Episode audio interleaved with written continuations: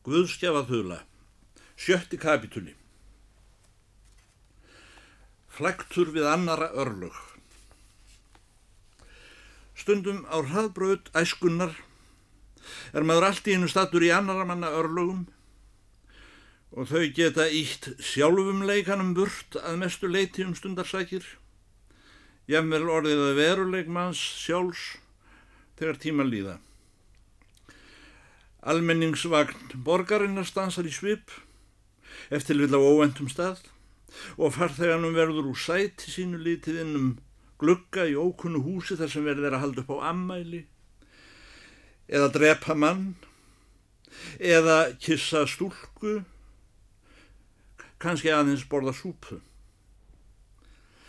Farþegin er nöður viljugur orðin gluggagægir þvert ofan í sína kristlegu samfísku og það sem meira er, þáttakandi í öðru lífi en sín sjálfs. Fólkið hefði betur dreyið gardínurnar fyrir hjá sér. Lengi þóttist ég óhuldur um að þeir fimm kapitular sem nú voru lesnir, voru morgun í Kaupmannahöfn og svo framvegis, myndu aldrei verða annað en það sem þeim var ætlaði upphafi fyrir margt löngu afþreyingalesmál í sunnudagsblæði sem byrti eftir mig smávegis dótar í snemma á mínum utanvistar árum. Endurminning án skuldbindingar.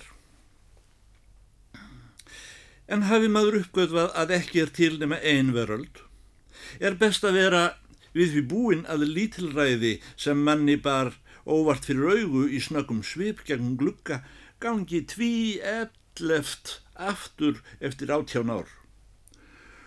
Og nú ekki lengur sem marklaus tilviljun heldur undir ófrávísanlegu lögmáli þessar veraldar þar sem maður er seldur undir skildur og ábyrð, einnig af því sem maður sá af tilviljun þegar maður var ungur. En svo fyrst segið var ég átján ára þegar þetta gerðist. Síðan liðu önnur átján ár. Til þess lesendur fái botni í söguna sé ég þann grænstan að skjóta inn frásögn eftir öðrum höfundi eins og þeir gerðu í fyrirdaga í þúsund og einni nótt þegar aðalsagan fór að verða torsótt og höfundurinn komin sjálfur í eins mikinn boppa á lesandin. Þetta innskot úr annari bók geymir vittnesku sem ég hefði ekki sjálfur verið í færum að veita. Þrátt fyrir grandjafilega leit í íslenskum blöðum frá þeim tíma hefur mér ekki tekist að finna stafkrókum atbyrði sem þá voru að gerast og kendir hafa verið við krakkið mikla.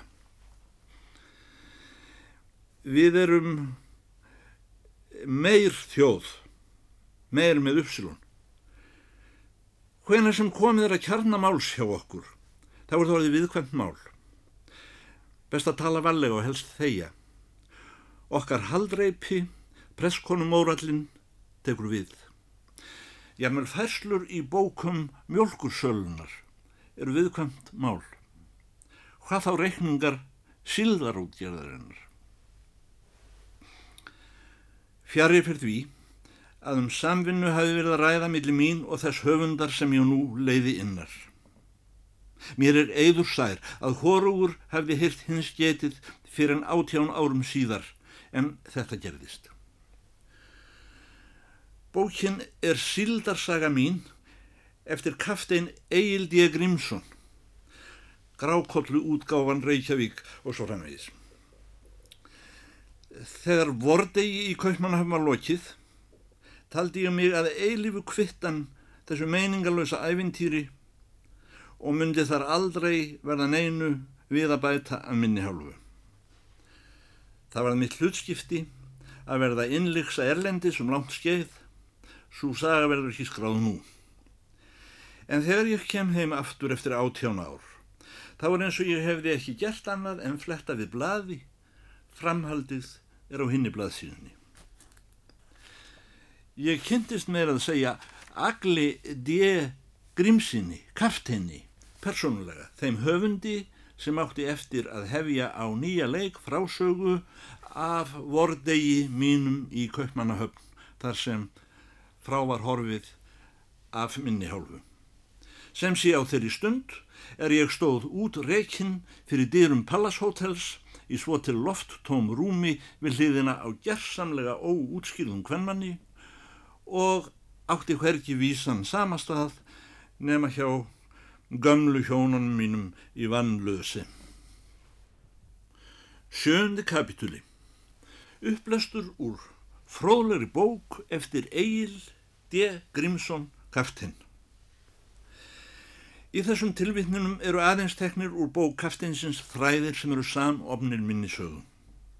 En svo skrifar Egil D. Grímsson, sendimaður Íslands banka, í bóksinni Sildarsaga mín, blaðsýðu 83 og áfram og nú les ég úr bók hans. Þegar ég kem til Kaupmannhafnar með lestinni frá Björgvin, þennan júni morgunum dagmál, þá læti ég náttúrulega strax busta skóna mína þar á játblutastöðinni. En það er vissara í útlöndum, því maður fær fyrirgreðslu aðeins með semingi á skrifstofum og í verslunum ef maður er á óbustuðum skóm um, eh, en alls ekki neina fyrirgreðslu í böngum.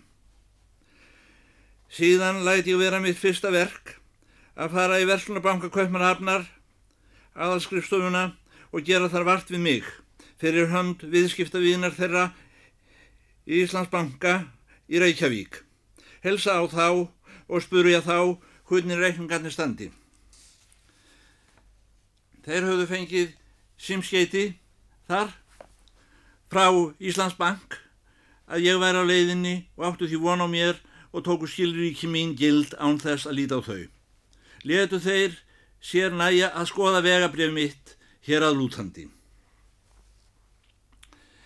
Þeir í bankanum danska sögðu mér að hjá þeim lægu gríðarlegi reikningar fyrir leigu á Herbergis samstæðu í hóteli hér í Kaupmannahöfn er Íslandsbank hefði ábyrgst á síðallinu hausti vegna Grosserer Berse Hjalmarsson. Þessi Grosseri sögðu þeir hafiði með höndum það verkefni fyrir hönd Íslandsbank að selja hér 40.000 tunnur síldar sem tíður banki hafði að veði fyrir skuldum fyrirtækisins Iceland Beer uh, Company, Djúbvík, Iceland, símnefni Iceland Beer. Verslunarbankin danski hafði í gær verið krafin greiðslu á þessari hótelskuld. Þeir spurðu hvort ég hefði umboð til að gera ráðstafanir í tímáli. Ég sagði sem var að það væri meðal annars í erindu mínum hér í Kaupmannahöfn að greiða áfallin kostnad af tilraunum við sölu á tilteknu síldar partíi. Og myndi það vera þetta partí. Gaf ég orða laust út fyrirmæljum að þessi rekningar skildu greitir á hótelinu. Var hér um að ræða fjárhæðir sem ég hygg ekki hafi því líkar verið áður greitar fyrir næturgistingu af öðrum mönnum en J.D. Rockefeller, nokkrum indverskum þjóðhöfðingjum og má vera keisaranum Abbessíu. Þó undirritaður, fyrverandi skútukaftin, en reyndar ekki eldri að árum en 43 þegar þetta gerðist. Veri nú orðin fullmektu úr banka með þar til lögðu skýrteini upp á vasan þá get ég ekki sagt að þessi frami hafi haft í för með sér neina breytingu minna lífsáta. Þeir voru fast skorðaður vegna eðlismins og uppeldis. Það hefur einlegt verið fjari mínu upplægi að brúðla með penninga. Nú skrifar kaftitinn í bóksinni. Nú að lokið var brínustu erindum fór ég því með töskuna mína beina leið í hundurdubla belti kaupmannahafnar að íslenskum síð og leitaði þar náttstæðar. Ekki stóð á því. Þetta hverfi er kjent við hundurdubl þau sem lögð eru út í ófríði með það fyrir augum að granda skipum. Hér er ekki mjög fínt og býr hér alþýðilegt fólk og ögn dölt hafa Íslandingar þá trú að ekki sé gefið þjórfja hérna og að vinnukonunnar séu allar í frelsishernum. Líka er satt, enda hef ég sjálfur reynd að hér er farið með gott á hverjum mótni, klukkan sjö og sungin sálmur. Þjónar eru sá flokkur manna sem flestum Íslandingum stendur beigur af og er ég sjálfur ekki laus við þann kvilla. En með þjóna er ekki brúkað á hótelum í tundurdublakverfinu. Áritun mín í Kaupmannhöf sem sé eins og æfinlega Kaptein Grímsson frá Íslands Bank, Hótel Betliheim í Heljarlands götu. Nú sest ég fyrir í þessu hóteli og fer úr sparifrakkanum og þurkaði mér svitan og fer að lesa afísblöð og taka í nefið og snýta mér upp á íslenskan máta og kuð það að hefi verið bannað ofinbellega í Köpenhán og þó engum og sér í lagi í sporvögnum klukkan tíu á mótnana þegar rosknar heldri konur eru að kæra á stað í bæinn að kaupa sér kaffi á strykinu. Aftur á múti tel ég nokkuð orðum aukið þó oft heyrist flekt á Íslandi að ef einhver sjáist reykja pípu á strykinu þá sé sá hins sami tekin úr umferð af pólitíjónum og færður inn í tíðargötu.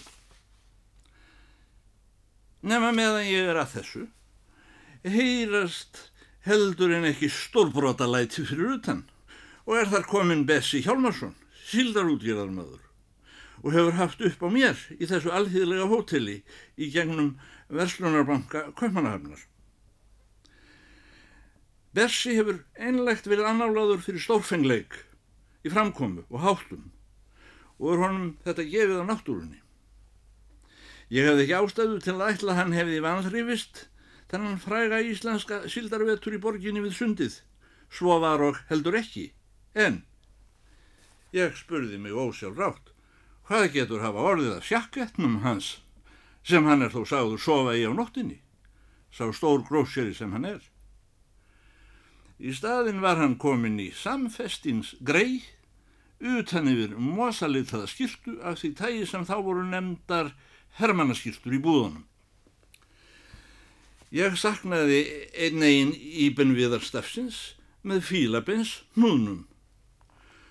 Þó var þessi vöndun ekki umtalsverð í samanburði við brækju af olju og grút sem að manninum lagði, en það er ekki að orðlengja það. Hann var hvar sem á hann var litið og líka framann í, með leifið að segja, ataður og útverkaður í skarni. Hvor óskum verið að sjá þig grósýri, segi ég.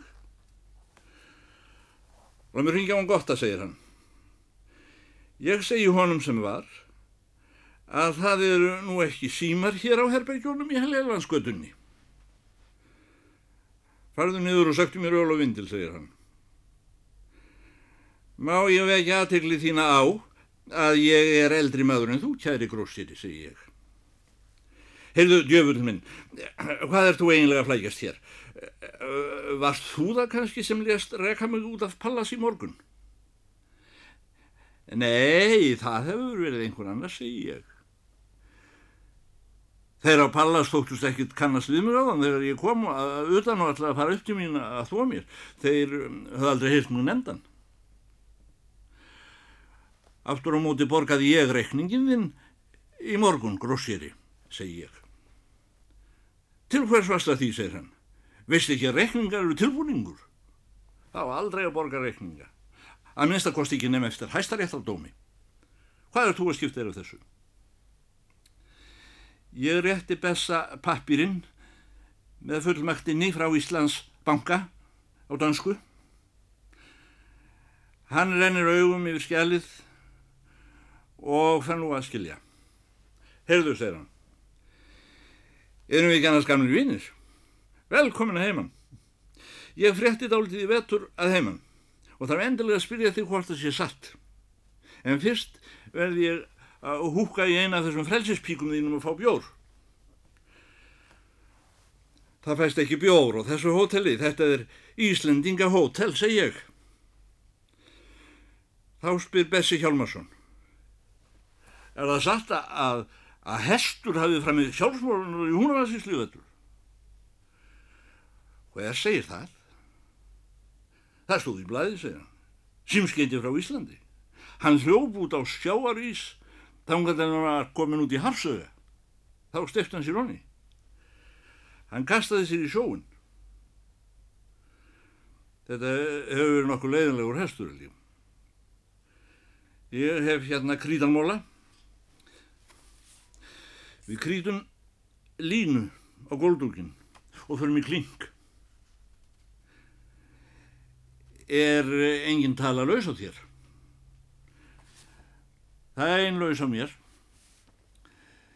Er það satt að vínurbröðin sé orðin svo vonda og blöndúsi síðan dænir hættu að baka þar að hestar viljuðu ekki? Ég sagði sem var að ég veri ókunnugur á blöndúsi. Hann segir, hvaða bölguðu tröndaði verið þetta einlega verið? Fyrirfara sér honum ís? Ekki nema það þó. Hér er önnur tala handa þér. Það er svo sem data mér í gær. Nú skulum við byrja. Við leikjum einn bæir undir. Það var einkennlegt að þó ég væri óvanur í kling, þá vann ég í fyrstu umferð. Í næstu umferð vann hann og sagði að við varum slettir og nú skildum við spila um heilan kassa af bjór. Við spilum aftur og þá fór svo að ég vann tólf flöskur af bjór. Í þar næstu aðrennu vann Bessi og borgaði mér nú bjórin sem ég vann á honum áðan. Þá vorum við aftur slettir. Mér var ljóst að maðurinn held áfram að vera jafn þistur, hvort heldur að vann af mér eða tapaði fyrir mér fleirum eða færrum svona lögðum bæjurum. Og Sivja sagði þá. Ég verði að velta tunnu aðleitni þessu djöful sólskinni síðan klukkan fimm í morgun. Guð hjálpiði grósir ég að tala illa um sólina, segi ég. Ég sting upp á að við komum heldur á ertningu og fáum okkur danskan middag. Áttundi kapituli. Meira úr fróðlegri bók. Nú verður lesið áfram upp úr bókinni Sildarsaga mín eftir kaptein Egil D. Grímsson. Framhald, blæsir 92 áran. Sámaður á danskri ætt er nefndur til sögunar, er Gotti hefur heitið Gotti sen, kallaður barón af Hofsús. Bessi talaði einlegt við hann og um hann í kumpánlegu gamni og kynnti hann fyrir mönnum sem sérfræðing í Lulufado. Gotti sem lagði mikið upp úr því að vera talin fín kavalir, engum á sérinlegi í Danmörku og hjælt þar barónsmerki sínu hátt á loft. Ekki er mér kunnugt hvort annir tóku það til græna. Þessi maður var áratugum saman nokkurs konar fylgitungl, Bessa Hjálmarssonar, innanlands og utan og kallaður handskrifari hans. Gottesen mun hafa verið viðstatur á Hotel Palace kringum klukkan 11 þann morgun sem upp voru gerðir reikningar fyrir næturgreiða er Bessi Hjálmarsson hafði þegið á hóteli þessu vetralánt. Þegar okkur Bessa hafði tekist að hafa upp á handskrifaranum með aðstóð Betlihems Hotels, leið ekki á löngu áður en Gottisen var þar sjálfur komin í fótabúnaði sem þá var týðkaður af heldrimönnum og nefndist Gamma Síur. Hann hafði í reikningsskílunum tekið einhverjar föggur Bessa Hjálmarssonar til handargags á Hotel Palace og flutti þær nú í veg fyrir eigandan á Hotel Bethlehem. Þá kom það upp úr dúrnum að í einhverri drabarasetu af því tægi sem síldarkaupmenn stunda hafiði Bessi Hjálmarsson tínt sjakkett sínum. Var mér nöður eitt kostur að taka upp buttuna hér í Danmörku á vegum Íslands banka og senda Gottisen út í leiðangur að kaupa sjakkett, nýjan eða gamlan, helst á stundinni, svo stórkaupmaðurinn geti haldið áfram sem slíkur að angefa í selsköpum tónin eins og komist var að orði á Íslandi í þann tíð. Það er nú til máls að taka sem eigjar nokkrar eða landtuðrur liggja í sjónum, í suður og ögn til austurs frá kaupmannahöfn. Aðalplás er þar ámakur og heitir bærin Drageyri, þekkt úr hoppsögum. En hér næsta kaupmannahöfn rétt hinum við sundi þar sem Knippils brú er yfirum, þar heitir Kristjáns höfn. Þar eru pakkús. Í höfninni er jafnað þröng af allskins farkostum, hafskipum innansundaprömmum, leigubyrðingum. Pakkúsin miklu eru sumi eigu borgarinnar, önnur standa á nafn skipafélaga eða verðlunarfyrirtækja sem kannski eru löngu liðnindur lok, ellegar bera heiti konungleira stopnana frá tímum einokunnarinnar. Hér er á margt vörukjallara og líka sumur undir sjáarmál og vill þar inn sjóvatn í flóðum og öðrum aftökum.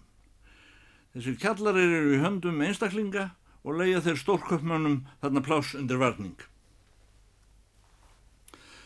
Aug ókynstra sem eðurlóðust af Íslands síld í Svíþjóð og Noregi um þessar myndir.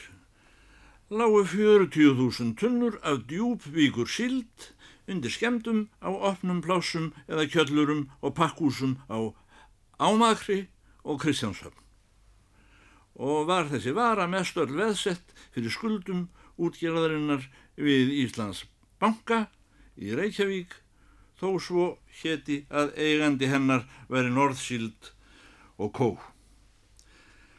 Verðið komst upp í 9-10-6 krónur sænskar tunnan í oktober árið áður. Ef þessar 40.000 tunnur hefðu verið seldar meðan verð þetta böðst þá hefði það verið mikið búsílag á Íslandi þar sem íbúafjöldi var þá tæp 100.000 manns. Einhvern veginn tóst Bessa Hjálmarsinni í oktober það ár að selja svo litla tortís af djúbvíkur síl til Amríku fyrir 125 krónur sænskar á tunnuna. Og eftir það var honum ekki úr að aka með þennan amríska prís framöndur öllum vetri. Hann sló í borðið við hutt sem var og sagði 125 krónur sænskar á tunnu. Um tíma í november tókst honum að nutta svíum upp í hundrað en hann sagði einlegt við þá sænsku. Betur má ef duga skald, drengir. Þar hjakka þeir nú í sama fari þanga til komið fram yfir nýjár, þá sögðu svíja loksins pass. Þeir töldu síldina orna spilta af gemslu og lækkuðu svo hann í 90 krónur á tunnu. Mátti ég af því sjá að þá blóðlangaði í síldina samt.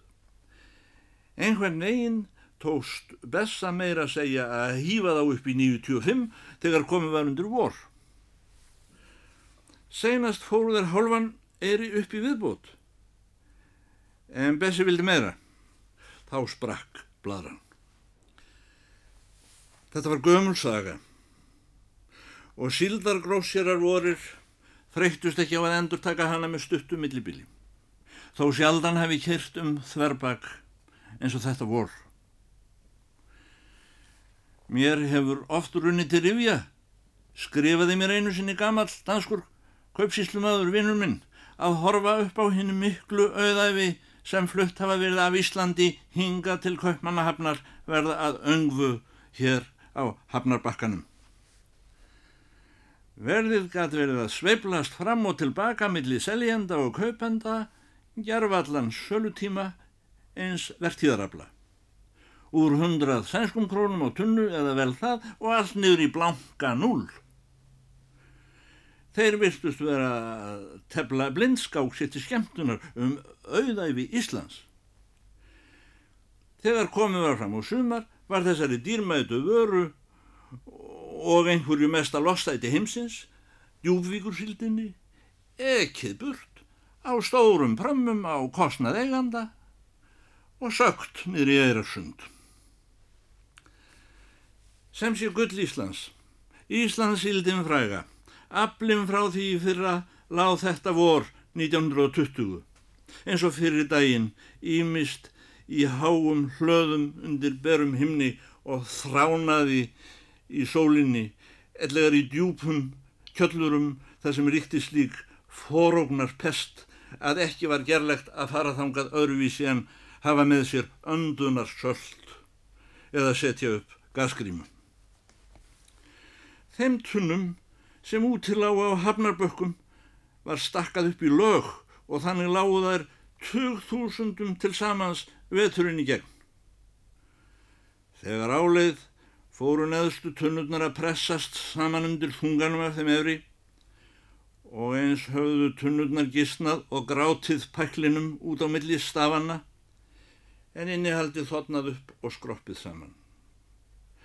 Efstu tunnurnar sem brennheit sólinn skein á þegar fór að lengja dag gáðu frá sér þræslu lykt líkast grút og voru mikilsti orðnar gjarðalösar af áhrifum veðróttunar. Stóðu svegabrotin út í loftið en uggar og sporðar stungust út um rifurnar.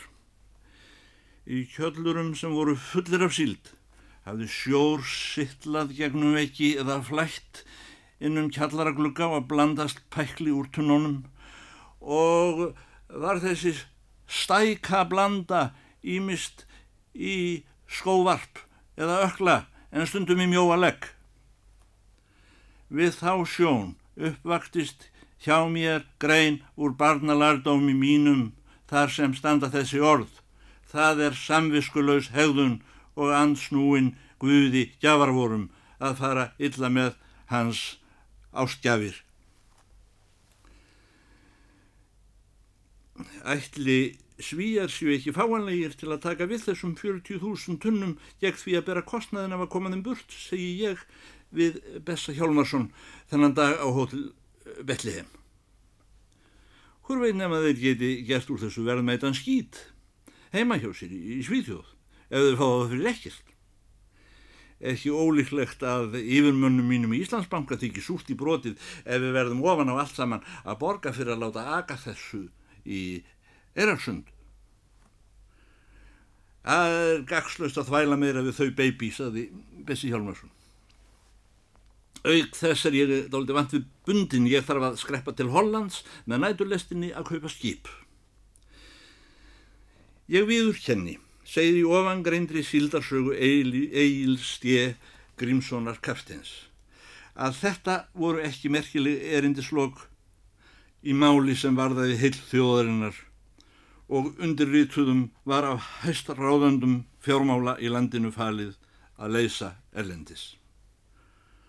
Þó voru þessar málalíktir ekki annað en endur tekning á mörgum frægum íslenskum síldarsumrum og höfðu byrjað í speglandi miðnætur sól norðurhafsins þar sem Guðs örlátar ástjafir í líki þessa fara fisks síndust án endimarkaðum stund en enduð á kæjum kaupmannahafnar eða einhverjum öðrum kæja fjari Íslandsálum árið eftir í þess konar dýrð sem er líst í kapitaltulanum hér á undan.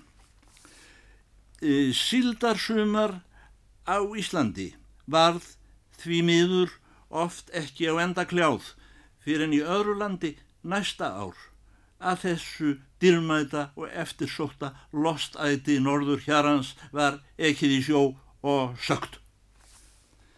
En ég skal bæta því við, meðan ég mann, skrifar Egil D. Grímsson, að þetta ferðalag til Hollands var ekki eins mikið út í bláin og margur myndi higgja. Það var í þeirri ferð sem Bessi Hjalmarsson festi kaup á steinnökkvunum sem hann létt draga til djúbvíkur og sökva þeim niður þar við hafnarbakkan og hafði þá í undirstöður undir söltunarbryggjur. Það er eignarhald á söltunarbryggjum sem gerir tröll úr mönnum á djúbvík í vanalegu árferði en að guðum í síldarárum.